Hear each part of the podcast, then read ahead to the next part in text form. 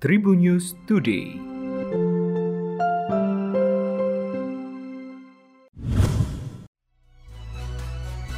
Halo Tribuners, saya Delta Gonzales akan membawakan informasi terkini dalam Tribun News Podcast. Mari kita awal dari kabar nasional.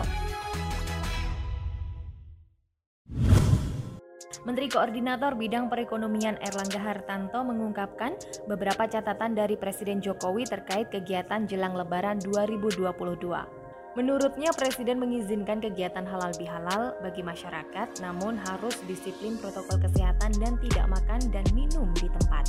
Begitupun kegiatan di tempat hiburan atau tempat keramaian harus dilakukan sesuai prokes.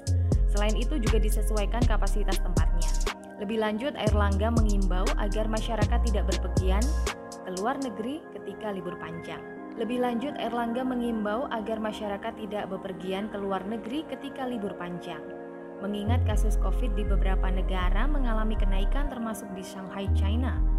Dan meskipun kondisi COVID di Jawa Bali dan luar Jawa Bali semakin membaik, Menurut Erlangga, kasus harian mengalami penurunan akhir-akhir ini sehingga ada beberapa kelonggaran kegiatan bagi masyarakat. Pasukan Rusia telah meluncurkan serangan di Donbas, Ukraina Timur. Rusia mencoba untuk menembus pertahanan di hampir seluruh garis depan pada Selasa 19 April pagi yang digambarkan oleh pejabat Ukraina sebagai fase kedua perang. Presiden Ukraina Volodymyr Zelensky mengatakan Rusia telah memulai pertempuran Donbas di timur. Menurutnya, sebagian besar dari seluruh tentara Rusia sekarang fokus pada serangan ini. Kepala Staf Zelensky Andriy Yermak meyakinkan Ukraina bahwa pasukan mereka dapat menahan serangan di fase kedua perang. Donbas telah menjadi titik fokus kampanye Rusia untuk mengacaukan Ukraina. Dimulai pada tahun 2014 ketika Kremlin menggunakan proksi untuk mendirikan dua republik rakyat separatis di negara bekas Soviet. Ini juga merupakan rumah bagi banyak kekayaan industri Ukraina termasuk batu bara dan baja. Staf Umum Ukraina mengatakan pasukan Rusia bertujuan untuk membangun kontrol penuh atas wilayah Donetsk, Luhansk, dan Kherson sambil mengintensifkan serangan rudal di Ukraina Barat. Direktorat Narkoba Polda Papua Barat mengungkapkan tindak pidana narkotika jenis ganja sebanyak kurang lebih 1 kg di sebuah penginapan di Jayapura pada Kamis 14 April.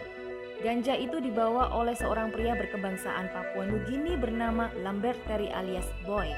Boy ditangkap berdasar hasil pengembangan dari tersangka yang terlebih dahulu diamankan oleh Polda Papua Barat. Tersangka sudah diamankan di rumah tahanan Polda Papua Barat. Didapati dari 36 bungkus plastik yang disita, jika dirupiahkan bisa senilai 36 juta rupiah. Proses penahanan ini di Tres Narkoba masih berkoordinasi menyurat dengan imigrasi karena tersangka merupakan seorang WNA.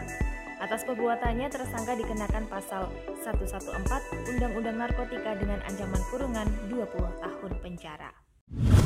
Cristiano Ronaldo dan pasangannya Georgina Rodriguez telah mengumumkan meninggalnya bayi laki-laki mereka saat Georgina melahirkan anak kembar. Dalam sebuah pernyataan yang dirilis pada hari Senin, Ronaldo dan Georgina mengatakan Georgina melahirkan bayi kembar. Namun tidak semuanya selamat. Bayi laki-laki mereka meninggal sedangkan bayi perempuan selamat. Dengan kesedihan terdalam kami mengumumkan kematian bayi kami.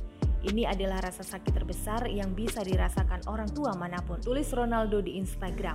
Hanya kelahiran bayi perempuan kami yang memberi kami kekuatan untuk menjalani momen ini dengan harapan dan kebahagiaan.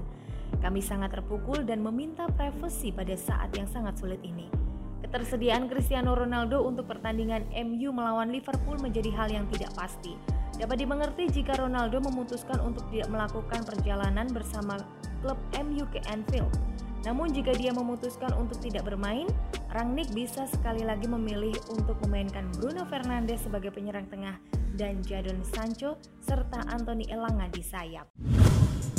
Demikian Tribun News Today untuk hari ini saya Delta Gonzalez. Sampai jumpa. Tribun News Today.